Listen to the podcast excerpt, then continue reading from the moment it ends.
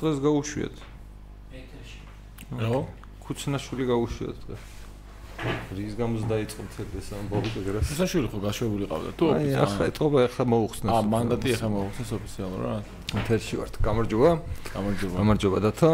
აა დღეს დღევანდელი ჩვენი საუბრის ამბავი არის ჩვენი თავრობის დანიშნა ახლიდან და ჩვენ როგორც აქციის მოაწილეს დიდი მადლობა მითხრა რომ მოხვედი ჩვენთან ამ თემაზე სასაუბროთ, იმიტომ რომ პირველ რიგში ალბათ თქვენი რეაქცია იქნება მნიშვნელოვანი ამ სიტუაციაზე.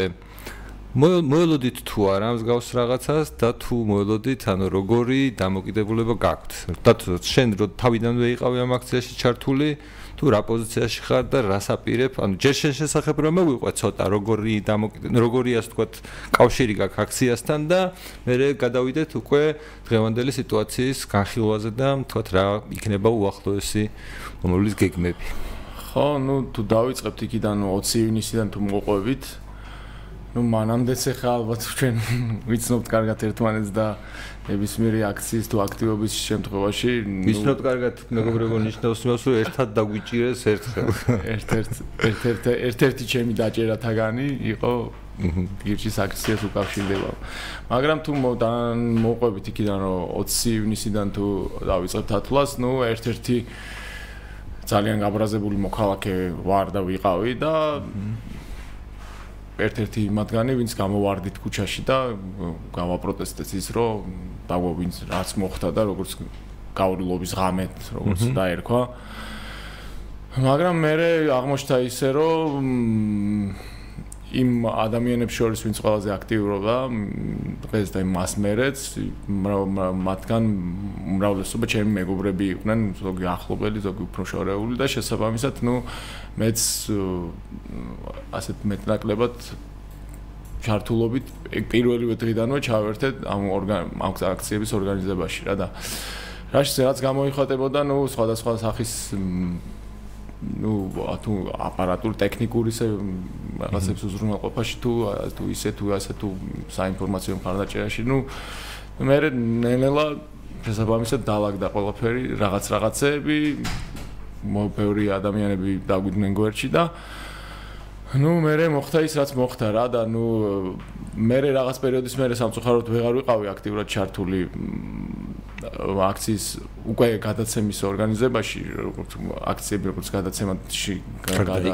გადაიქნა მაგრამ მაგრამ ну რა ვიცი რეგალიებისგან თუ გავთავისუფლდებით ერთ-ერთი ყველაზე გაბრაზებული მოქალაქე ვარ და მეტი არაფერი.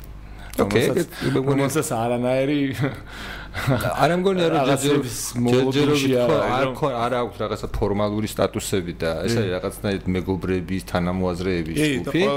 რომლის ჩემი წავდი ეს ფაქტიურად და მიმართული იყო კონკრეტულად აი ამ 20 ივნისის აქციაზე რაც გამოჩნდა, რა ძალადობაც არის სისტემაში და ანუ ამ სისტემა როგორც ჩანს აღარც მალავს ამას, ამის წინააღმდეგ იყო მიმართული. თქვენი მეგობრების ჯგუფი, საერთოდ აი ამ გახარიას გაპრემიერებას ელოდით თუ არ ელოდით და რო გაიგეთ რა რეაქცია გქონდათ? არა, ნუ ვიდრე აქო ეგრე აკეთებენ ახლა მოსინჯეს რო ეგრე მუშაობს და ნუ ამ ჭორებს ხო შემოაგდებენ სხვადასხვა საინფორმაციო თუ თავიანთი და სპონსორებული საიტები და მეშვეობით, ნუ ძირითადად ჯერ World of Word of Mouse-ი მუშაობს რა, რაღაც მე გამოჟონავს პრესაში, მე ეს რაღაც პრესა და ვიდრე ეს გამოჟონავდა ეს ამბავი და რაც სიმართლე გითხრათ, მე დღევანდლამდე მაინც რაღაცის აბსტრაქტული იმედი მაინც მქონდა, რომ კიდე ერთ ტრიუკს გააკეთებდა ბატონი მამა და მარჩენალი არქიფო და დაჟე ის იმის დაშვებას უფრო ვაკეთებდი რომ თვითონ მოვიდო და პრემიერ-მინისტრად რა. კი, ასეთ ჭორები იყო. რომ ანუ ჩემთვის პირადად ანუ ანუ ოპტიმისტი ადამიანისთვის ჩემთვის ეს ეს უფრო მისაღები ფორმა იყო მიუხედავად იმისა რომ როგორც წესი ჭორები მართლდება ხოლმე რა რაც გამოჟონავს და სანამ გამოჟონავდა ნუ ეს და სანამ ეს დაიწყებოდა ამაზე აქტიურად საუბარი ნუ არ ვიცი ამაზე წარმოდგენაც კი არ შემეძლო და არ შეგვეძლო იმიტომ რომ ნუ როგორ შეიძლება ნულოვანი რეიტინგის მქონე ministri რომელსაც ამხელა ტვირთი აქვს და ამხელა რაღაცა აკიდებული ხრებზე ის ადამიანი გამოგადმოიყვანო ქვეყნის ნომერ პირველ სახეთ. არ ვიცი ხა ეგ რა ლოგიკა შეიძლება? შენი ვარაუდით ამის უკან იყოს რაღაცნაირად შეურაცხყოფელი ხო ლოგიკა არ არსებობს. ჩემი აზრით ამაში ლოგიკა არ არსებობს. ანუ ეს უბრალოდ არის რაღაცა ანუ ეხლა რაც მივიღეთ უკვე და შედეგი როგორც დადგა და მაკედან გამომდინარე რომ ვისაუბროთ ეს მხოლოდ და მხოლოდ არის ავი ამის ანალოგი მარტო რუსეთში მახსენდება რა. ანუ ფეხებზე კიდია თქვენი ყველაფერი თქვენი წუხილი. თავისი განმოსახედიდან რაღაცა ზომავს თვითონ 200 კაცი დგას იქ და ანუ 200 კაცის ფეხებზე დაკიდება მარტივია და რასაც მინდა იმას გავაკეთებ, იმიტომ რომ მე ვარ ამ ქვეყნის რეალური ბატონ პატრონი და ჩემი ბოსტანია და ეხა ჩემ ბოსტანში ეხა ამ ჯუჯეს ქანდაკებას აქ დავდგამ თუ იმას აქ დავთესავ, ეხა ჩემი ნებაა, ხო? და ამის ამის დემონსტრირებას ახდენს. ან მეორე უფრო ცოტათი კომედიური ჟანრის ვერსიაც არსებობს, რომელიც ჩემო მეგობარმა გოგომ გააჟღერა.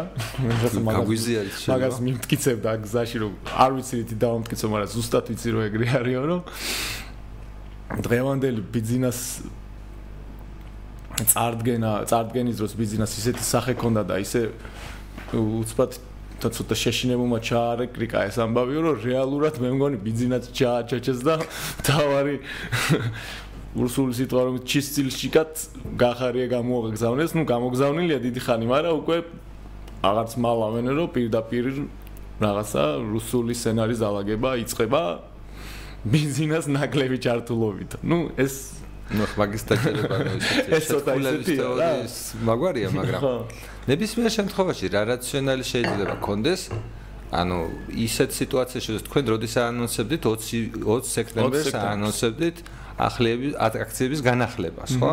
და ცოტა შეიძლება მაინტერესებდა მეკითხა კიდევას, რომ 3 სექტემბერია და დღეს რაღაცა უფრო ნათელია, ხო? რეალურად ის წინააღმდეგაც მიმდინარეობდა პროტესტი. აგერ გასაგებია რომ თურმე საპროტესტო უკვე შეიძლება გქონდეთ და ხომ არ ცვლით ან თარიღს ან რამე ხო არ შეიცვალა თქვენს გეგმებში არა გეგმებში ჯერჯერობით არაფერი ვერ შეიცვალა იმიტომ რომ ეს ძალიან მოგვიდნელი და სპონტანური იყო ეს ყველაფერი მაგრამ თარიღს ამ ეტაპზე არ ვცვლით იმიტომ რომ ნუ გასაგებია რომ ბევრად მე დიდი მობილიზება ჭირდება და ნუ მეტი ინფორმირება და ნუ ჩემი აზრით მე იმედი მაქვს რომ ეხა ეს ყველაფერი რაც მოხდა ამ ყველაფერმა უნდა გამოიწვიოს ადამიანების ტვინში რაღაცაანაირი პროტესტის ფორსირება ხო უფრო მეტად და უფრო მეტი ბრაზი.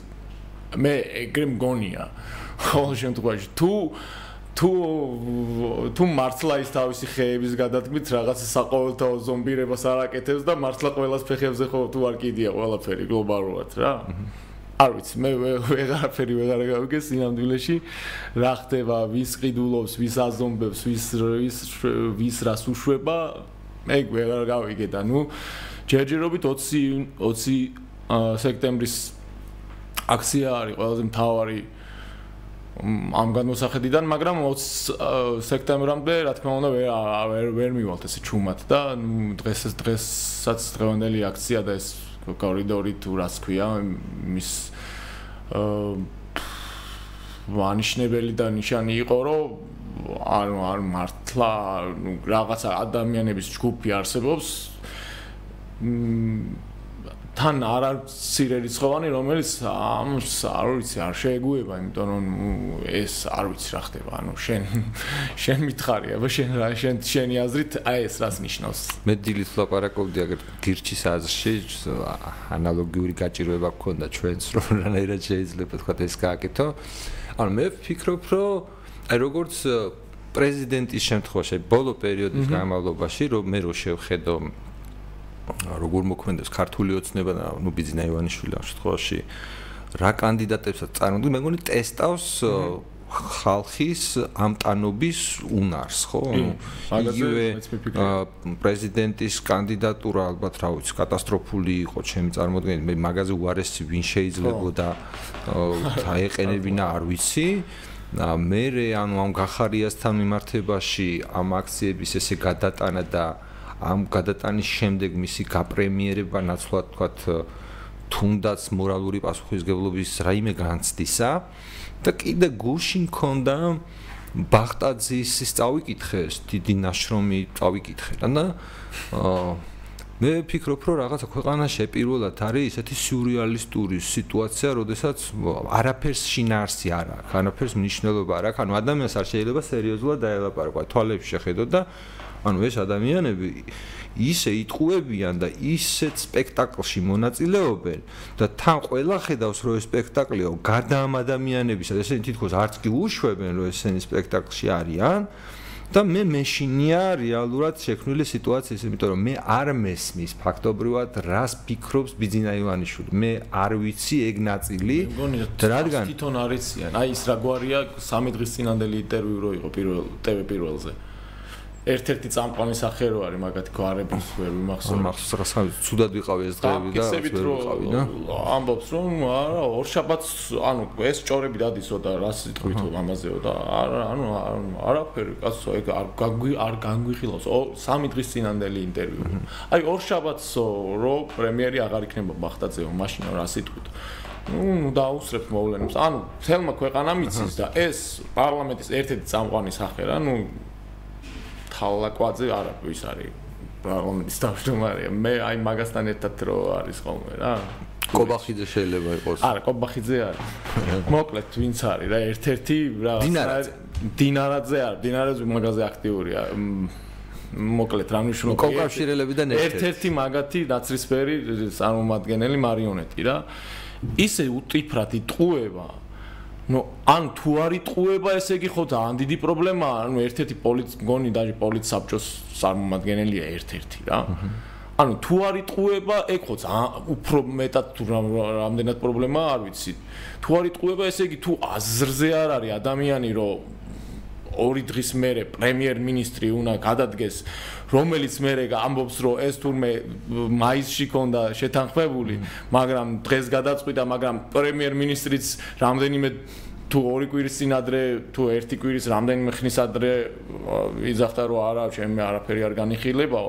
ანუ ეს ყველაფერი როგორ რა სურათი ჯდება ვერ გამიგე ხო ამბობდნენ რომ რაღაცა 2024 წელს ეს ეს გვაგდაგეგმილი და იქ მასშტაბლებს ხო ანუ მათ შორის წინა პრემიერ-მინისტრი როცა გადადგა კვირიკაშვილი გახსოვს ალბათ იქ საერთოდ იუნისეფის დასკვნაზე მსჯელობდნენ და იქ ხალხი რო გამოდიოდა კონკრეტულად კაცი გაუშვეს იმის გამო რომ სიღარიბის ბავშვები არიან ბავშვი და მაკედან გამომდინარე თუ ავიღებთ ახლა რეალურად ბახტაძემ რაც არ უნდა კომიკური და ყველაზე ის არ Facebook-ში, სოციალურ ქსელებში გავრცელებული ხუმრობა რაც არის, რომ არავის მისი გადაყენება არ მოუთხოვიაო და ერთადერთი კაცია, რომელსაც მართლა ყველა მოფერებით და რაღაც მაპატიე რო ვერ დაგიცავი და რაღაც ეგეთი ეპიტეტები დამყოფდნენ, ამბობდნენ. ანუ რაც რაოდენად უცნაური არ უნდა იყოს, კვირიკაშვილი რის გამოც გაუშვეს. ამან ხო რაღაცა 6%-იანი თუ 6.1-იანი ეკონომიკური ზრდა ხო დადო. ანუ რაღაცა შედეგი ხო დადო ეკონომიკური დის. მაჩვენებენ. ნუ ციფრებში როგორც მაჩვენებენ ანუ რითიც ჩვენ გვატყუებენ ეგ ეგ ხო თავის თავისი თავისთვის მოსაწყობელთა დადო. ხო მოკლედ იუნისეფის მაჩვენებელი ხო გააუმჯობესა და აი რატო გაუშვეს? ან ანუ რა საჭირო იყო ყველაზე როგორც თვითონ წერს მე იმიტომ გამიშვესო რომ მეო ჩემი მისია შევასრულეო. ხო ხო მისია შევასრულეო. მაგამდე მეც დავიკითხე სოფტვერში ხო. შენ ახლა გასაგებია რომ რაღაცნაირად ხუმრობასავით გამოდის ვიტო თანამოაზრეები ვართ გვესმის აბსურდულობა სიტუაციის მაგრამ რეალურად შენთვის როგორც აი მოქალაქისთვის რა საშიშროებებს ხედავ როცა ესეთი მდგომარეობა ხელისუფლებაში და სერიოზული ლაპარაკის შანს ვერ ხედავ? ძალიან დიდ საშიშროებას ხედავ იმიტომ რომ ეს არის უკვე დაუფარავად ავტორიტარიზმის ნიშნებია რა. რა შეიძლება ეს გადაიზარდოს? ეს შეიძლება გადაიზარდოს უარეს შემთხვევაში სამოქალაქო დაპირისპირ ძალიან ძალიან ძიმე დაპირისპირებად. ну ანუ არა ვერა არასდროს საქართველოს მოსახლეობას ეგეთი რაღაც კაცრავად ამ ჟარგონისთვის ჩაჭერა არა უტანია რა ანუ ჩემ პირადი დამოკიდებულებიდან გამომდინარე 20 ნისამდე რაც მქონდა რომ აი რაც რამაც იმ რაც ამუშავა ეს თავის 7 წელი რაც ამუშავა ეს ნიჰილიზმის ნერგვა რომ თუმცა არაფერს აზრი არ აქვს ხალხის არჩევნებზე არ გამოდის.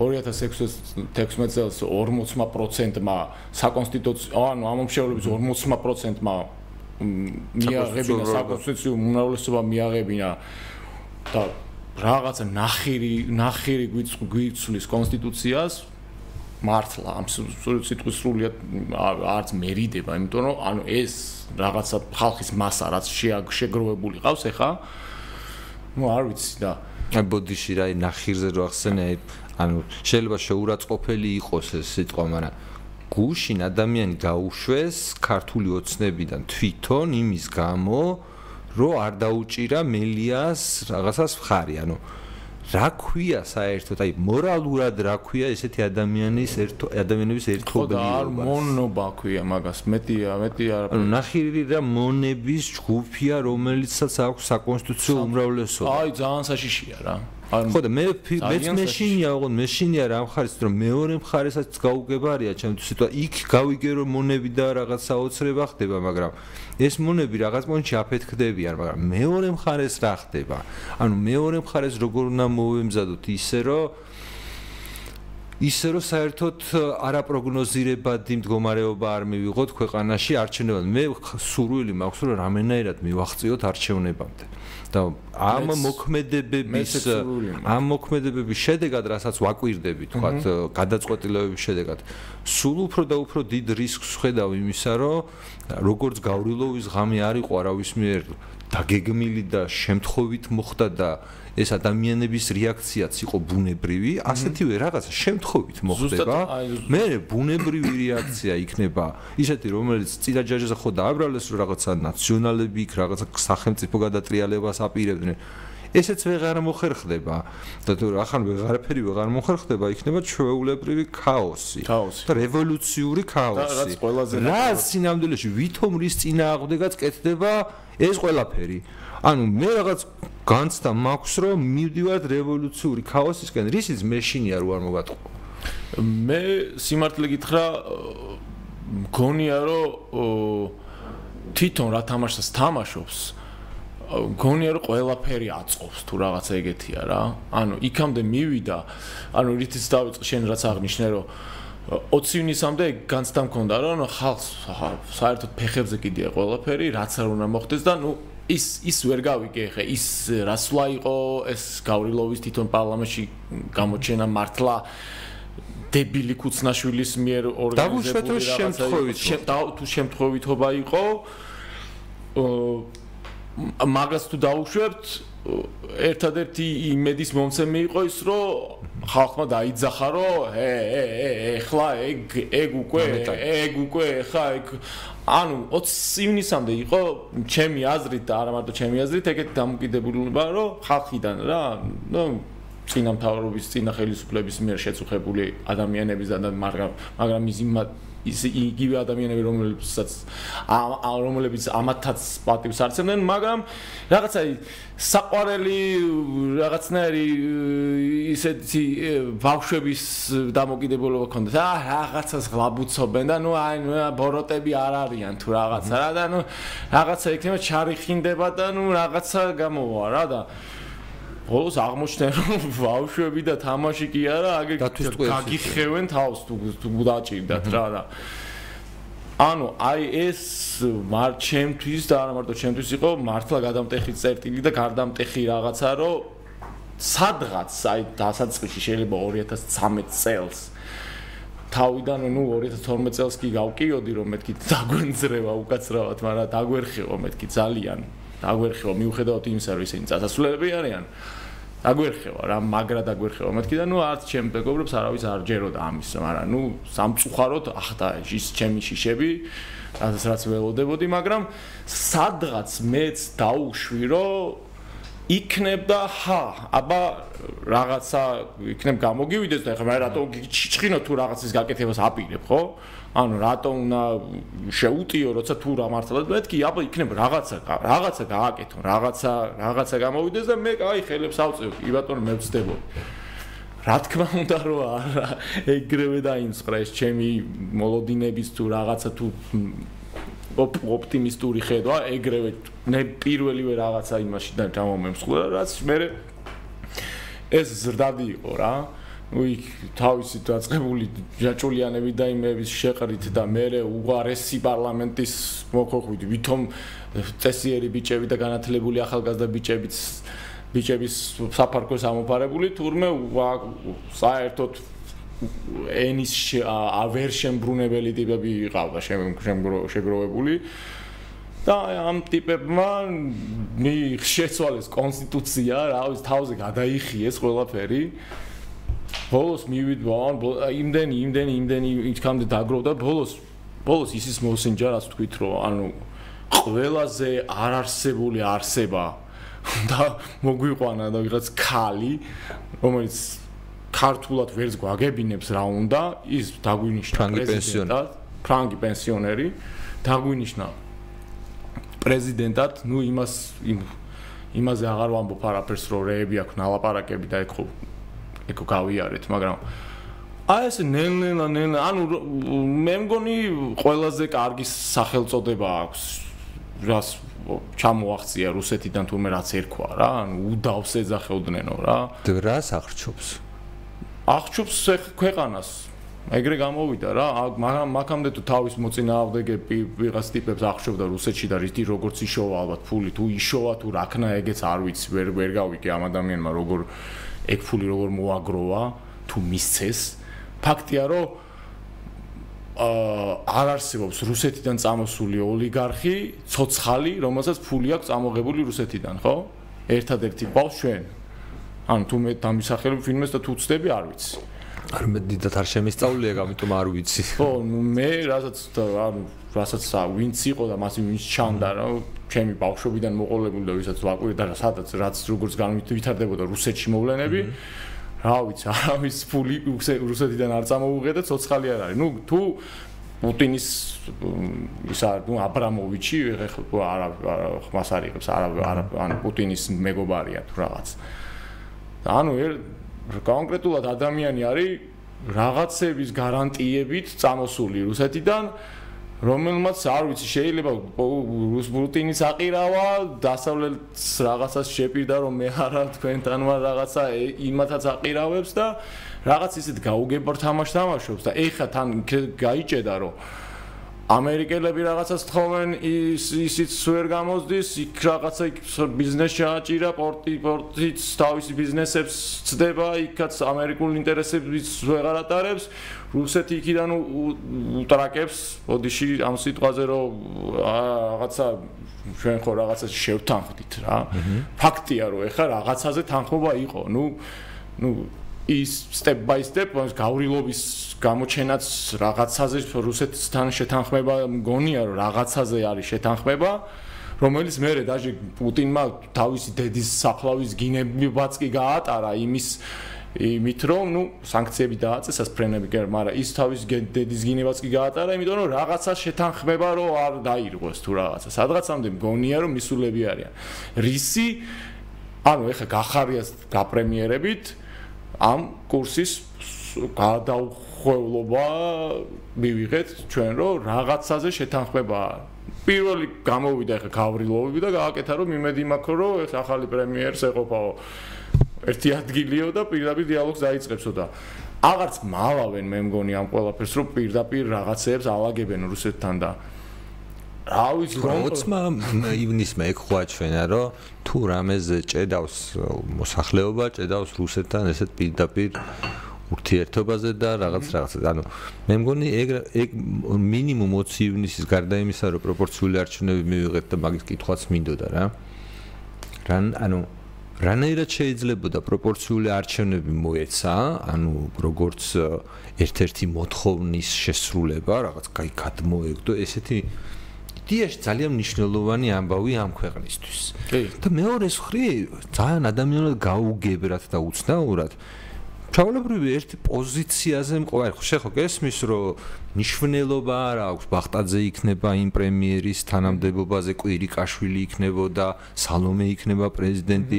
საბოლოო ჯამში მთლიანად ეს ჯგუფი ერთი ადამიანის ნებით მოქმედებს. ხო შემ ნიშნულოვან გადაწყვეტილებას მარტო და დამოუკიდებლად არავინ არ იღებს ხო?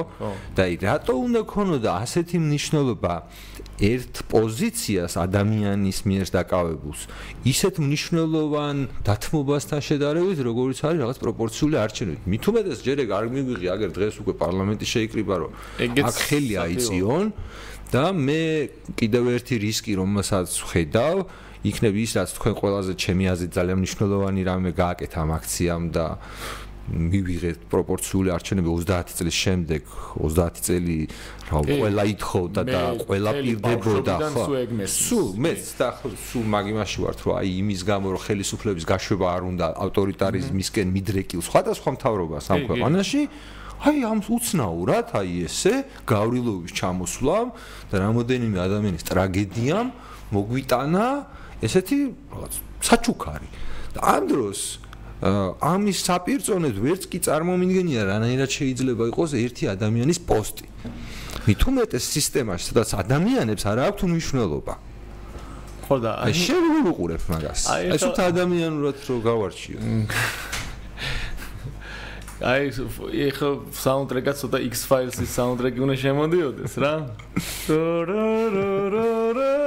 ანუ იგმიდან გამოსახედი გამოსახედიდან რომ ადამიანი ანუ თელი მოსახლეობის გინებას არაფრად არ დგდებს და ამხელა ხეებს დაათრევს და თუ რაღაცა მოთრეული მით დენდროპარკს აშენებს და აშკარა ადამიანის რაღაცა ოკულტისტური მიდრეკირებები, ხო? ფაქტია, ნუ ხარ 8 მილიარდის კონი ადამიანს ეშინია რომ მოკვდება რა, ყველანი მოკვდავი ვართ. მე და შენ ხა გაცილებით ნაკლები გვაქვს ამ სიკვდილის შიში, ხო? და შესაბამისად, აი რაც არ უნდა სასაცილო ჟღერდეს, ხო? მე მგონია რომ ძალიან სიმბოლისტი ადამიანი, სიმბოლოებზე ყურადღების გამახვილებ ბიზნესზე ვსაუბრობ რა. აუ მაგაცის გაცნობა მინდა. ხო და ანუ რის ვის ვინც იცნობს და ვის ვისაც პირადი შეხება გქონია ყველასგან მოდის აი ეგეთი ეგეთი ინფორმაცია რა, რომ ძალიან ძიმე ადამიანია. და ერთ-ერთი ყოველ ბოლო ვისაც გქონია ბოლოს შეხება და ვისაც ვინც მითხრა როგორ ანუ მისი განმოსახედან ეგეთი ანუ თვალში არ უნდა მოხვდეო რა. თუ თვალში მოხვდიო შეიძლება რაც არ პროსტ თვალში თუ მოხვდიო დაიმალე გაი დაიკარგეო რა. ზალეჩნა დნო თუ რაღაცა და მოკლედ ამ მისტიკას რო გავცდეთ გონია რომ საკმაოდ სიმბოლური სიმბოლოების მოყარული ადამიანია. რა შემდგომარეობს რა შემდგომარეობს აი მე მგონია რომ ბიზნეს მართლობა ერთ კადრში რო ავიღოთ ჩემთვის არის გემი თრო ხემიცურავს რა. აჰა აი ბიზნეს მართლობა ჩემთვის და ალბათ რა ვიცი საქართველოს ისტორიაში მაგ კადრით შევა რა. მეტი არაფერი არ გავუკეთებია ხო კარგი. კი არა ეგეც ანუ ანუ არ ვიცი ეგ შემთხვევით გამოუვიდა თუ ძალით ქნა რომ ანუ სხვაზე რომ გემზე რომ ხე მიცურავს ეგ ეგ არ ვიცი ალბათ ძალიან სერიოზულ კინემატოგრაფებსაც კი მატოგრაფებიც კი მიიწერდნენ მაგ კადრს რა ანუ ეგ კადრი რო გადაეღო. ეს რა კავშირშია, ანუ ეს სიმბოლიზმი? ეგ კავშირშია იმასთან, რომ ანუ სიმბოლისტი ვაჭარია რა. ანუ რა მოთხოვნები, ან რო ევაჭრები, რომ ან მოდი ახლა პროპორციული მომეცი. და იფიქრა რომ ეხა მოდი თან ჯიგარი ვარ თან აი ევროპას ვეპრანჭები რაღაცა და დავაი პროპორციული იყოს ოღონ ნულოვანი ბარიერით ეგეც რაღაცა ხო თავისი ვირაშმაკობები აქვს ჩადებული რომ ეგეც ნულოვანი ბარიერიც ხო ვერ გავიგეთ რომ 0.75% თუ რაღაცა ითვლება ხო? ბუნებრივი ბარიერი ეგ ხო ბუნებრივი ბარიერი. მაგრამ ნუ აი 2.70-ად მოგცემს, მაგრამ ანუ მე ფერს არ მოუცვლის, იმიტომ რომ ის ახარია მნიშვნელოვანია და შესაბამისად რომ გაგვეცინა რაღაც ჩემი აზრით გახარია არა მარტო მისთვის არამედ ნუ უკვე დაუფარავად რუსეთისთვისაც ძალიან მნიშვნელოვანი ფიგურაა, ხო? ეგრე მგონია. იმიტომ რომ მიუხედავად იმისა, რომ თვითონაც რო გადახედა ეხა მაღაზე მეტი შემსრულებელი ტიპი ვერ ყავს ხო? ანუ ვინ ვინ არის ეხა რომელსაც ერთი შეხედვით რაღაცა საქმე მაინც გაუკეთებია, ხო? ანუ ადამიანი აქვს 8 მილიარდი. ამას რა გაქვს? ამას რა? ანუ მაგას გეტყვი რა აქვს აკეთებული. ადამიანი არის აქვს 8 მილიარდი აგერ მასკი არის, მარსზე მინდა გაფრენაო და მთელი ამერიკა და მუშაობს, რომ ალბათ სადღაც გააფრენს ამ რაკეტას და ადამიანი არის აქვს 8 მილიარდი და უნდა რომ აი ხე აქედან გადაიტანონ აქ. და მოთხოვს რომ ო რა თქმა უნდა ბატონო ბიზნესი გავიდა აი ეს ხე აიღეს და შუაგზაში გაუტყდათ ანუ ადამიანები გარემოცვა ყავს ნუ თავის იმით ყურმოჭრილი მონებიდან გამომდინარე სხვას ვისაც ენდობა ადამიანები ყავს რომელიც საქმეს ვერ ანუ თავისივე საქმეს ვერ უკეთებენ. რაც თვითონ კერძო კერძო საქმესაც ვერ უკეთებენ იმის ის კი არა რომ ქვეყნისთვის სასარგებლო შეიძლება რაღაცების გაკეთებას უნდოდეს კიდევაც. ნუ რაღაც ხო აშენებს თვითონ რაღაც ეხა აბას თუმანს შეუვარდა და იქ რას უზამს იგას კაც მარიცის მაგრამ თავისი გადმოსახედიდან ხო თვითონ რაღაცებს აკეთებს. ნუ ხო ეგრე მოვიდა. ნუ ეგრე მის თუმ შენებლობაზეა საუბარ ბევრს აშენებს. ხო ნუ სამება აგვიშენა კაც კაცმა ხო და ანუ შე დიდი შანსია რომ რაღაცების გაკეთება უნდოდეს კიდევაც მაგრამ ვერ უსრულებენ. და გახარია აღმოჩნდა ტიპი რომელმაც მეტნაკლებად რაღაცეები დაალაგა რა ანუ თუ გავიხსენებთ რომ ბიზნეს ომბუდსმენიო იყო მასთან რასაც მე თვითონვე ილაპარაკეს და თვითონ გამოჟონა და თავისი სარდაფები და იმეებით ანუ შუამავალი კაცი იყო რომელიც ყველასთან ალაგებდა რაღაცას ურთიერთობებს ეხლა რომ მეორე კაცია ვანო ჩხარტიშვილი შესაბამისად ვანოსთანაც მე ჩემ მე როგორც გავიგე როგორც ანუ საქალაქო ლეგენდები როგორც ვცელდება და მე რეალურად რო რეალობა აღმოჩნდება ხოლმე ვანოსთანაც არ ქონდა ეხა ეგეთი ურთიერთობა თურმე და მე რაღაცნაირად ვიღაცეებისგან ვიღაც უზბეკი თავის პარტნიორებისგან რაღაცეებისგან დაულაგებია ეს ვანოსთან ურთიერთობა და მე იმან ისექნა რომ რაღაცები რომ ეხა ფაქტია რომ მეორე ნდობით აღშურული პირია ხო ქვეყანაში არ ჩანს მაგრამ ნუ ეგრეა ნო ხო და გვახარია ჩემი აზრით დაიწყო ამ ბიზნეს ომბუდსმენებიდან დაალაგება იქაც ანუ მოსკოვში სხვა ამის ვის იყო რაღაც პარტნიორი თუ რაღაც ერთ-ერთი თანამშრომელი თუ რაღაცა. ერთ-ერთი ყველაზე ნდობით აღჭურული პირია რომელიც რომელთანაც ერთად ალბათ ძალიან ბევრი შავი საქმეებია გაკეთებული რა. თუნდაც თეთრი რა ვიცი შესაბამისად ალბათ გამოჩნდა რომ ყველაზე ძალიან ძალიან ენდობა ამ კაცს. თან ეს კაცი არის რომელიც რომელსაც ეხა უკვე აღარც თვითონ აღარც მარავენ რომ ყველაზე აქტიური კავშირები აქვს რუსეთთან რა ანუ რუსეთთან ხიდია რა ესე თქვა და დაალაგებაში მაგაზე როგორი კრიტიკული კითხვა მაქვს იცი დაცო რომ აი წარმოიდგინე მეთქე წერან ხოლ აპარაკობდით რომ ეს ადამიანები მთელი მისი გუნდი რაღაცნაირად მონური მორჩილებით ნებისმიერ რამეს ასრულებს. არ არ ჭირდება ბახტაძის, ანუ ბახტაძე ხო იყო პრემიერ-მინისტრი, ანუ ბახტაძის ოფიციალური ბრძანება ხო არ ჭირდებოდა ამ დავალებების შესასრულებლად, არის კონსტიტუციის. ანუ რა მნიშვნელობა აქვს? ხო, აი რა მნიშვნელობა აქვს? ასეთ ეს ხო ფაქტობრივად მართალი რო იყო 100% ყველა შენს მიერ დასახელებული რაღაცა რო სუსტი სიმართლე იყოს. მაგ შემთხვევაშიც კი სიტუაცია ბიზნესთვის ხო არ შეიცვლებოდა, თუ მაგალითად გახარიას დანიშნავდა რაიმე რაღაცა უმნიშვნელო პოსტზე, მაგრამ არაფორმალურად დაუტოვებდა იგივე შესაძლებლობებს, რაც ბიზნეს ომბუდსმენის დროს ქონდა. ანუ მაგიტო ჩემთვის უბრალოდ რთუ შეიძლება მართალი ხა, შეიძლება ბევრი რაღაცა მართლა ესე რომ გახარე ძალიან მნიშვნელოვანია ვიღაცისთვის და ამიტომ ჭირდება. მაგრამ გამომდინარე მართლობის იმ სისტემიდან, რითიც სარგებლობს ქართული ოცნება. ანუ ფაქტიურად არის სატელეფონო მართლობა, ხო? ანუ რაღაცა ტიპებმა არც კი იციან მესიჯს ვინ უგზავნის, მაგრამ ამ გაგზავნილ მესიჯზე რეაგირებენ. კი. შესაბამისად, გახარია ანალოგიურად მოიქცეოდა რამე მესიჯის გამგზავნ ადგილას რო დაენიშნათ, ნაცვლად პრემიერ-მინისტრობისა, რომელიც უბრალოდ გამაღიზიანებელია გამომდინარე შექმნილი სიტუაციიდან. ანუ 20 ივნისი მისი მოქმედება, მისი არახსნა მდგომარეობის და ასე შემდეგ. თორე რამნიშო აქ ხო წერან რასაც ვლაპარაკობდით პრემიერ-მინისტრ პრეზიდენტს პარლამენტის თავმჯდომარეს არაფის შინაარსი არ აქვს არც ერთ ადამიანს არ აქვს რამე კონკრეტული ახ კობახიძეზე რო ვილაპარაკოთ ან კობახიძის შემთხვევას რა ქვია კობზონს რო გავს? მ თალაკვაძე. თალაკვაძეზე რო ვილაპარაკოთ, ხო? რა მნიშვნელობა იქნებოდა კობახიძე იქნებოდა თუ თალაკვაძე? კობახიძე შეწირა რა. ხო და არაფერი ხო არ შეწირა. თალაკვაძე კომშენიურად არის. აღმოჩნდა ბახტაძე ისევ რაღაცა სიტყვა ეთქვის, იმიტომ რომ გვერდზე უზის, აი ხო პოლიცაბჭოს შეკრებების დროს ნათლად ჩანს მარტო ვიდეო კადრიდან როგორ ნაწილდება მის მასთან გავლენები რა. ხო შეიძლება უბრალოდ შეგვეშალოს ვიდეო კადრიდან შეიძლება ის არ გამოდის. არა, არა, ზირითადად ეგრე გამოდის ხოლმე რა. ანუ როგორც იქიდან როგორც ამბობენ, რატო ფიქრობ, აი პრემიერ-მინისტრობა ხო ჩაულებრად მართლა რა სილის გაწნასავით არის ამ მისთვის. მაგის მაგის თქმა მინდა რომ ანუ რატო არ გადაიყვანა მიშამ მაშინ ვანო? რუხკარდინალად მაშინ და რატო? ხო მაგ ყველაფერი კარგად იქნებოდა ხო სხვანაირად იქნებოდა. ხო 7 ნოემბერიც არ მოხდებოდა. აჰა რა თქმა უნდა ანუ რატო?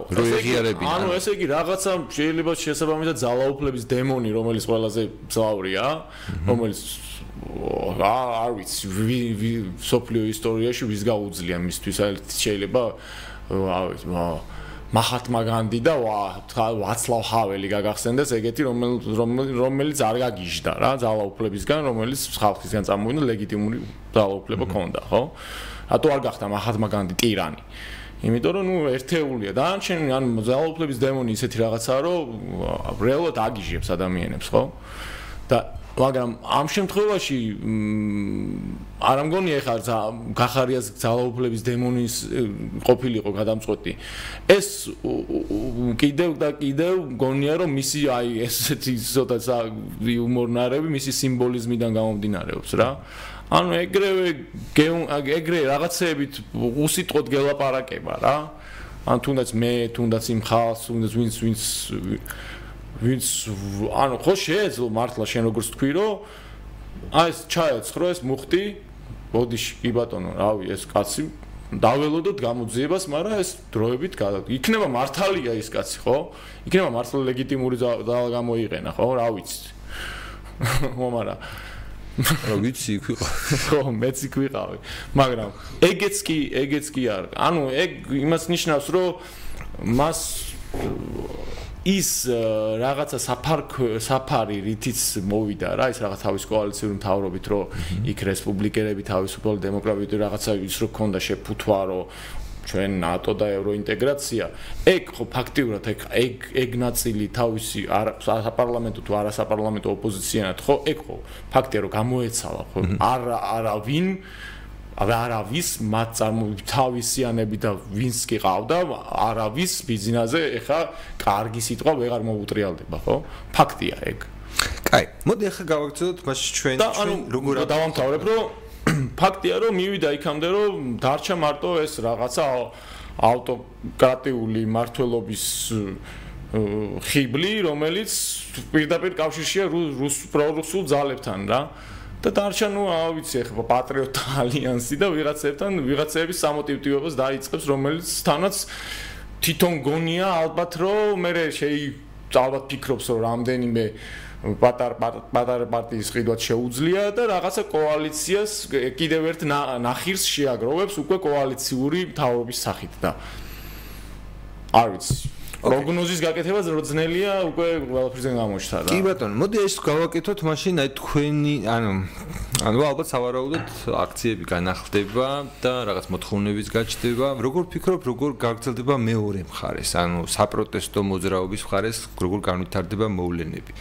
ანუ იქნება თუ არა ახალი ადამიანების შემომატება ამ პროცესში? როგორი როგორ წარმოგიდგენია პოლიტიკოსების ასე ვთქვათ ჩართულობა მით უმეტეს ალბათ ყოველას ინტერესი და მოლოდინი არის რომ აი ამ არჩევნების პროპორციული არჩევნების საკონსტიტუციო გაფორმებაც რაღაცნაირად მივიღოთ, ხო? ანუ რეალურად ის მოთხოვნა აგერ პირიქით ამოგვიტრიალეს და ჯერჯერობით ის რის გამოც ასე თუ ისე მშვიდად ვართ და თქვით რომ კაი ჯანდავას ეს ძალიან მნიშვნელოვანი რაღაც მივიღეთ და ასე შემდეგ, ეგ ჯერ არ მიგვიღია ფაქტობრივად.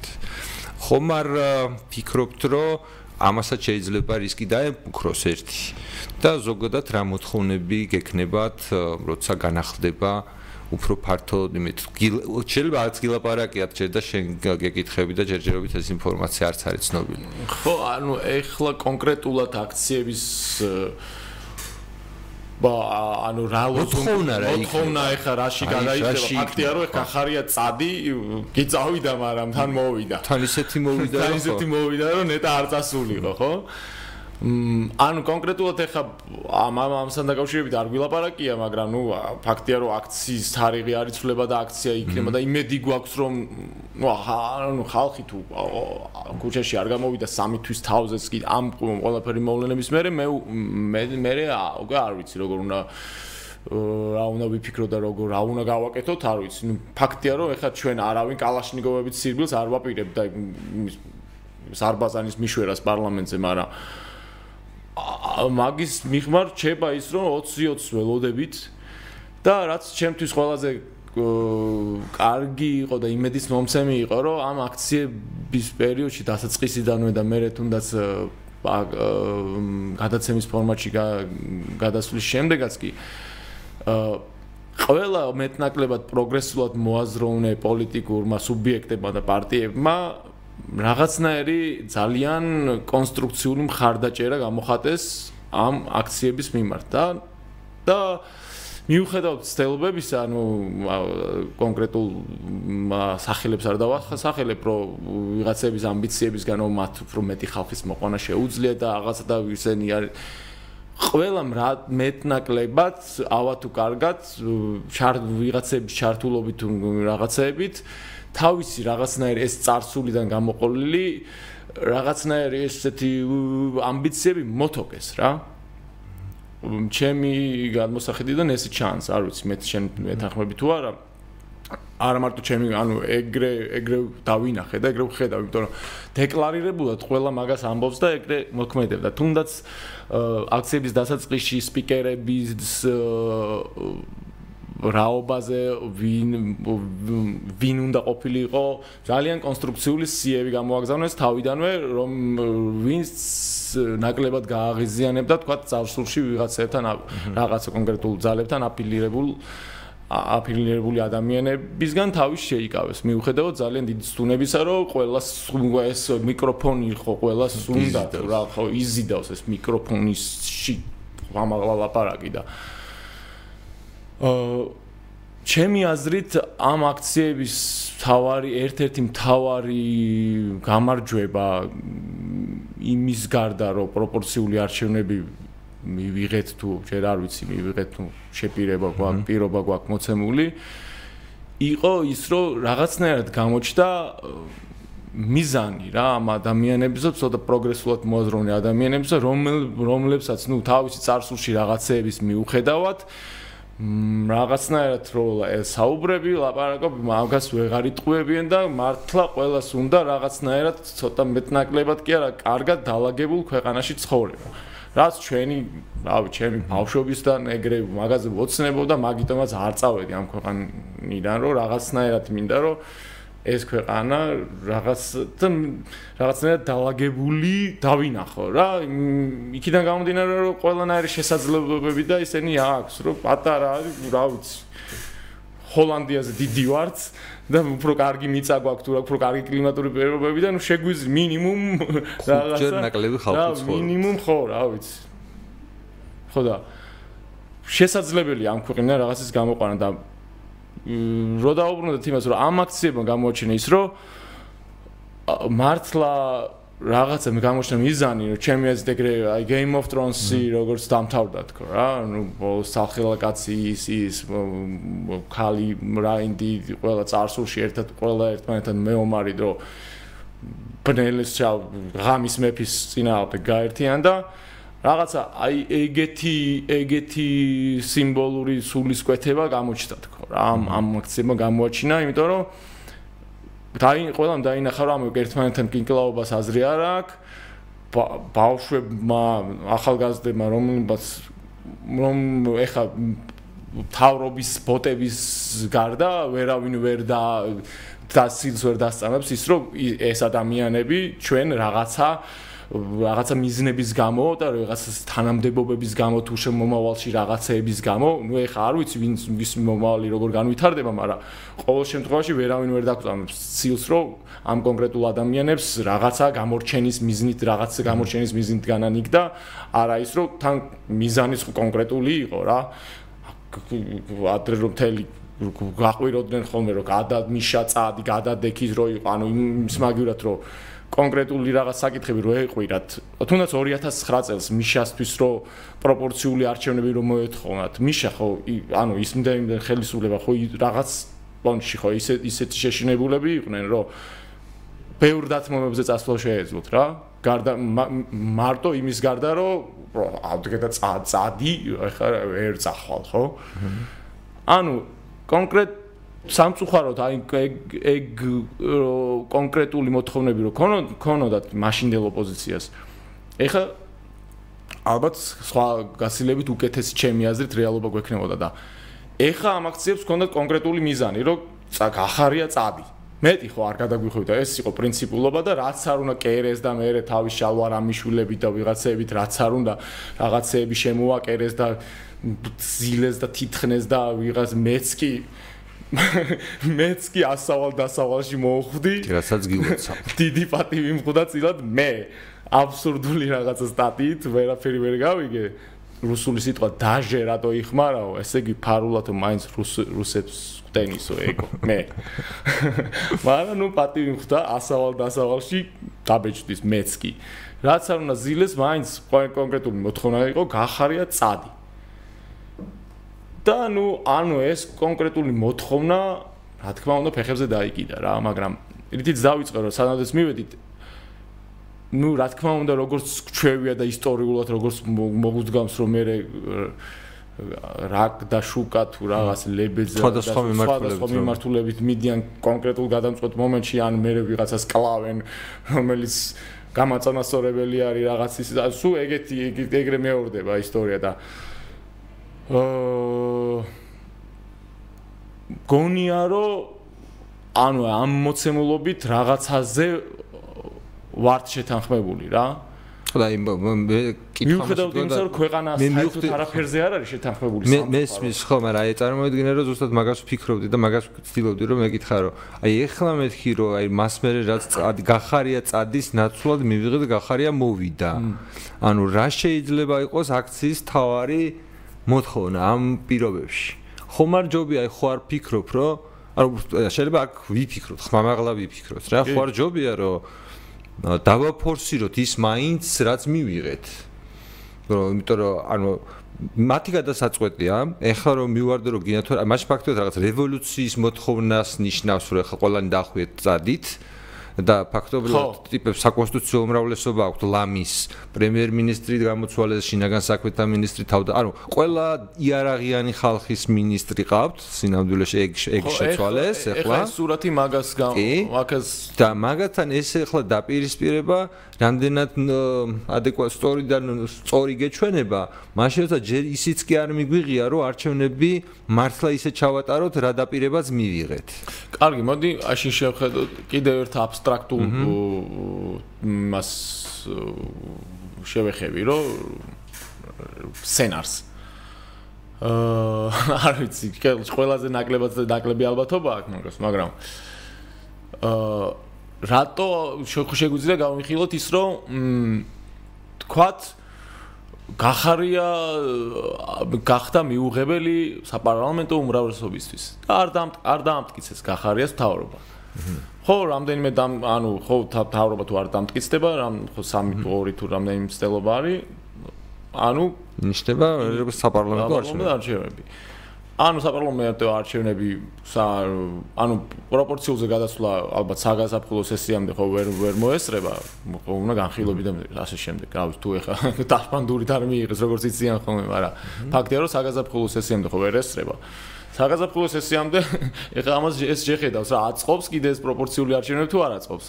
მაგრამ ეს ეხა აბსტრაქტული სცენარია მაგრამ მაგის მე მაგ გადაგდების მე მგონი რევოლუცია გარდუვალი იქნება რევოლუციური სცენარი გარდუვალი იქნება მაგ გადაგდების შემდეგ.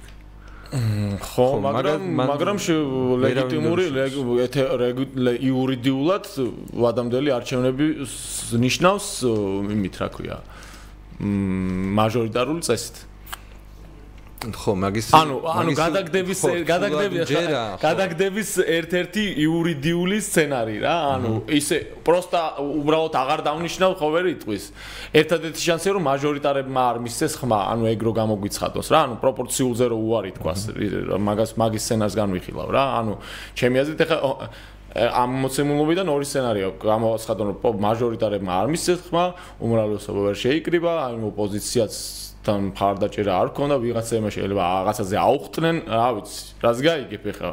საბოლოო მაღაზიაზე ვსაუბრობთ, რომ საბოლოო გადამწყვეტ მომენტში ყველა ხო თავისთვის იქაჩება, რა ვიცი, ვიღაცა მე ეს არ მაწყობს, ის პროცენტი მე არ მომეწონა, ახლა პროცენტი ცოტა იმას გაინ და ანუ საბოლოო ჯამურ მივიღებთ ქაოსს. რაც ქაოსი, მე მგონი ქაოსზე გიждდება რა, ეგ აწყობს ყველაზე ძალიან და არ ვიცი, ეს შეიძლება რაც არ უნდა ისეთი აბსტრაქტული სცენარი იყოს, ეხა ნუ ეგ რაც შეფიქრობ, რომ შეიძლება რაღაც თვალსაზრისით მივიღოთ ვადამდელი არჩევნები არა პროპორციული სისტემით? იმის გათვალისწინებით, რომ ეხა ბიზინა ივანიშვილის ერთადერთი მიზანია, რომ ხელისუფლება შეინარჩუნოს, ხო ფაქტია ეხა, რომ ღარიბაშვილი დანიშნა თავდაცვის მინისტრად. ეგ რას ნიშნავს, რომ ჯარში ავაგებს ამბავს რა, რომ ემანდ ვიღაცას რაღაცა არ წაუწდეს და თუნდაც რევოლუციური განვითარება რევოლუციური სცენარის განვითარების შემთხვევაში ჯარი არ გამოვიდეს და არ დაყაროს და ხალხის მხარეს არ გადმოვიდეს თუ რაღაცა რა დაუშვათ. ანუ ფაქტია რომ ხარიბაშვილი თავდაცვის მინისტრად ნიშნავს მაგას. ყურმოჭილი, აი Game of Thrones-ში რო გავიხსენებთ, ძაღლების როაჭმე და ძაღლების პატრონი რო იყო და ის არა მაგრამ ნახე სწორ. აა, ეგ ერთ-ერთი პერსონაჟი იყო.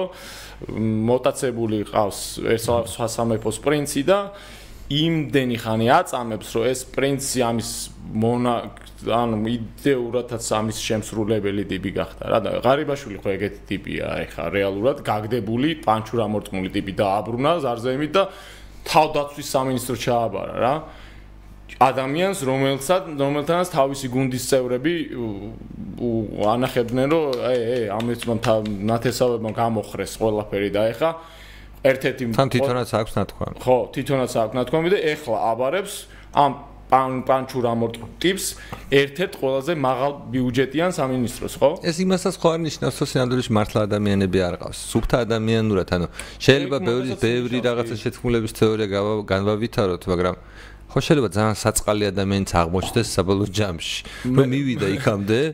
მაგას ფიზიკურად ადამიანები აღარ ყავს. ცოტა რაღაცა შეცოდების ის ბიზნეს მიმართ გამჩენია. აი თუნდაც იმხეები ანუ კაც უნდა და ვერ უკეთებენ. რა და შესაბამისად შემსრულებლების აღარ ყავს და ანუ დიდარი ადამიანების ის ხო ეგ არის რომ რეალურად მეგობრები ხო არ ყავთ მაგათ.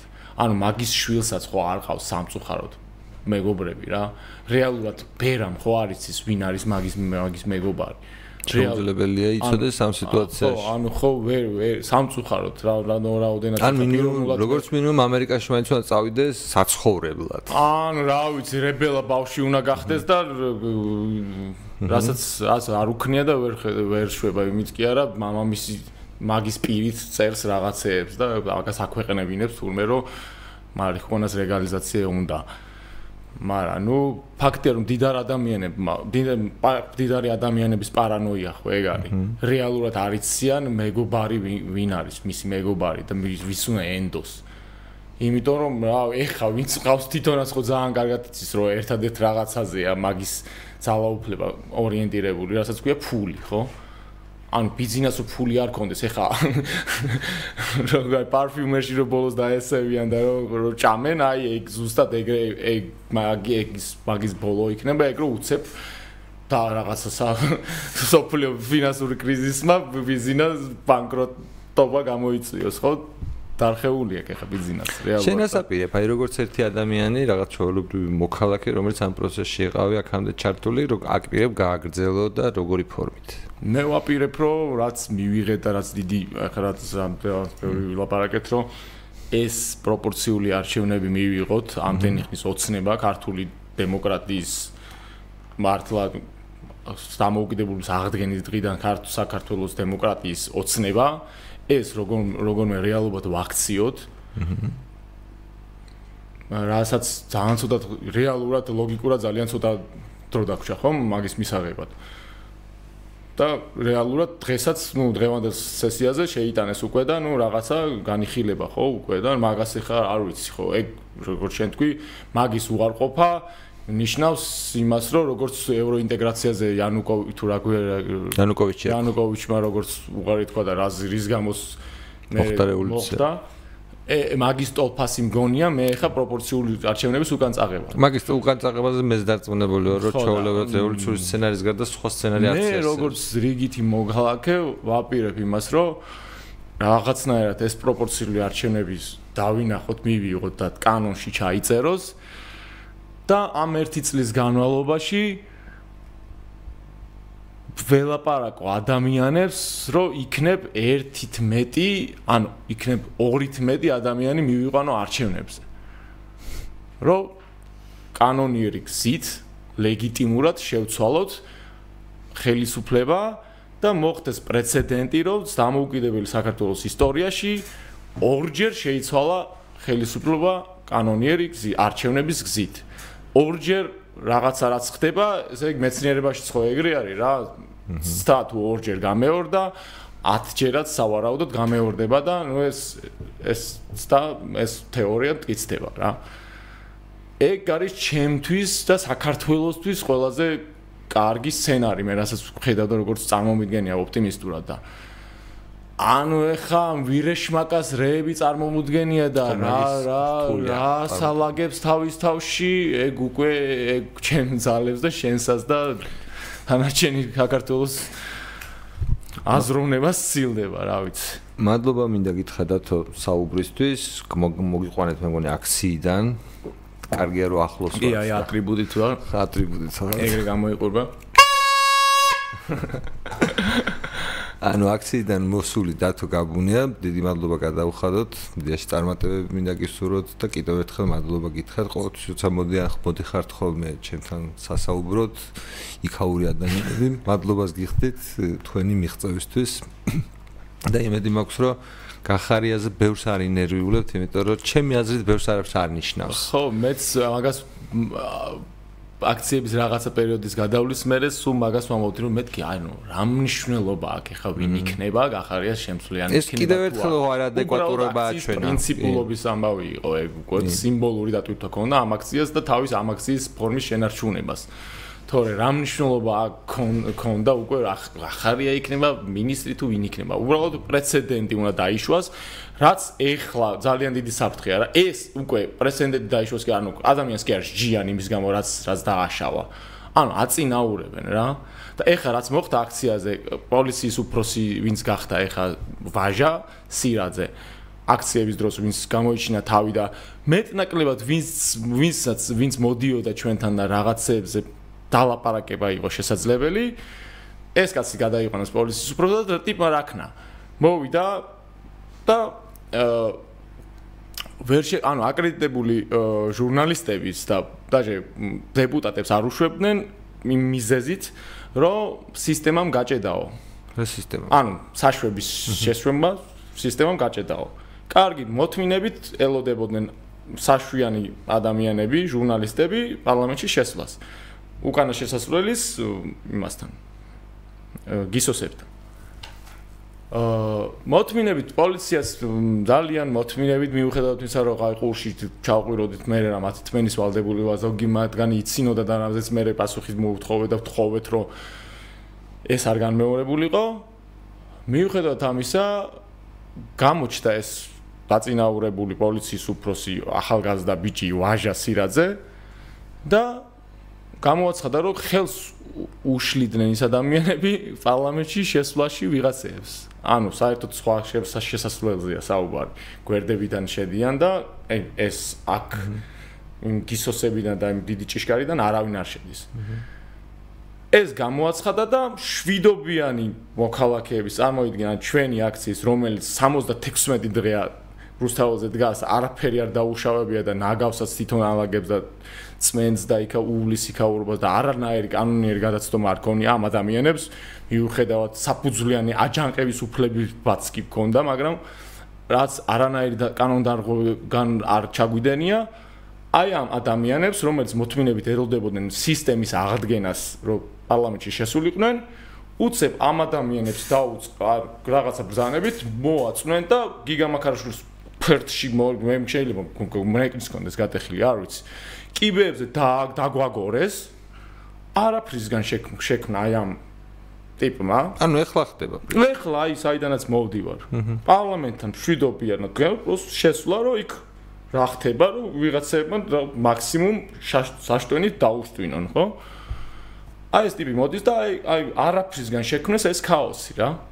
და ეს შვიდად გარი პოლიციელების ეგრევე იმათ გადაიქნენ რა. ხო ხტები ანუ აი არ ვიცი ხო, ნუ იმ იმ იმ ქვეყანაში სადაც ფრანგი პენსიონერი შეიწყალებს პოლიციელის კულელს და სამწელში გარეთ უშვებს ის პოლიციელები იმ თავისი დაბალი ხელფასით ვისიცავენ ან რასიცავენ და რისგანიცავენ ეგ უკვე არ ვიცი. ეგ რა ლოგიკაში ჯდება?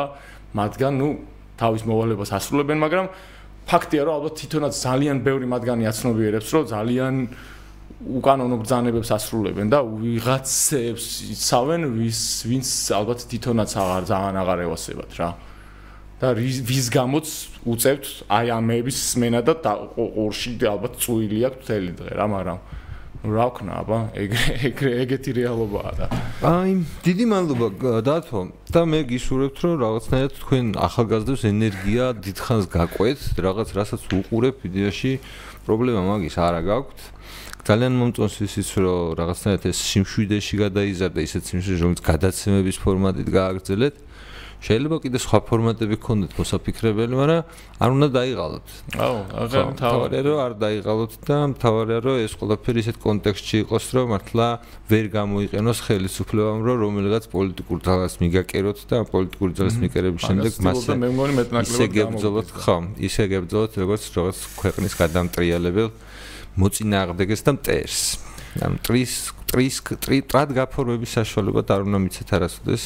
ჩემი შევა და სურვილი ეგ იქნება წარმატებები თქვენ დიდი მადლობა მოსვლისთვის. მადლობა შენ გადაცემაში მოწვევისთვის და იმედი მაქვს რომ საომალოდ გასილებით ნაკლებად პრობლემატურ საკითხებზე სასაუბროთ თუნდაც მუსიკაზე სასაუბროთ მომიწევ და გასილებით საინტერესო რაღაცებს მუსიკაზე ვილაპარაკო მაგრამ დაგპირდები რომ შემდეგ ჯერზე ბევრად უფრო საინტერესო იქნება შენ დასაუბრად თუ მუსიკაზე ჩემთვის მუსიკაზე თუ ვისაუბრებ იქნება იმიტომ რომ საერთოდ არ ვაპირებდი ამ ასეთი ფორმით და ამ ასეთი აქტივობით ჩარევას რაღაც აქტივ ბევრ ადამიანს ხოლმე უწია სამწუხაროდ მომიწია.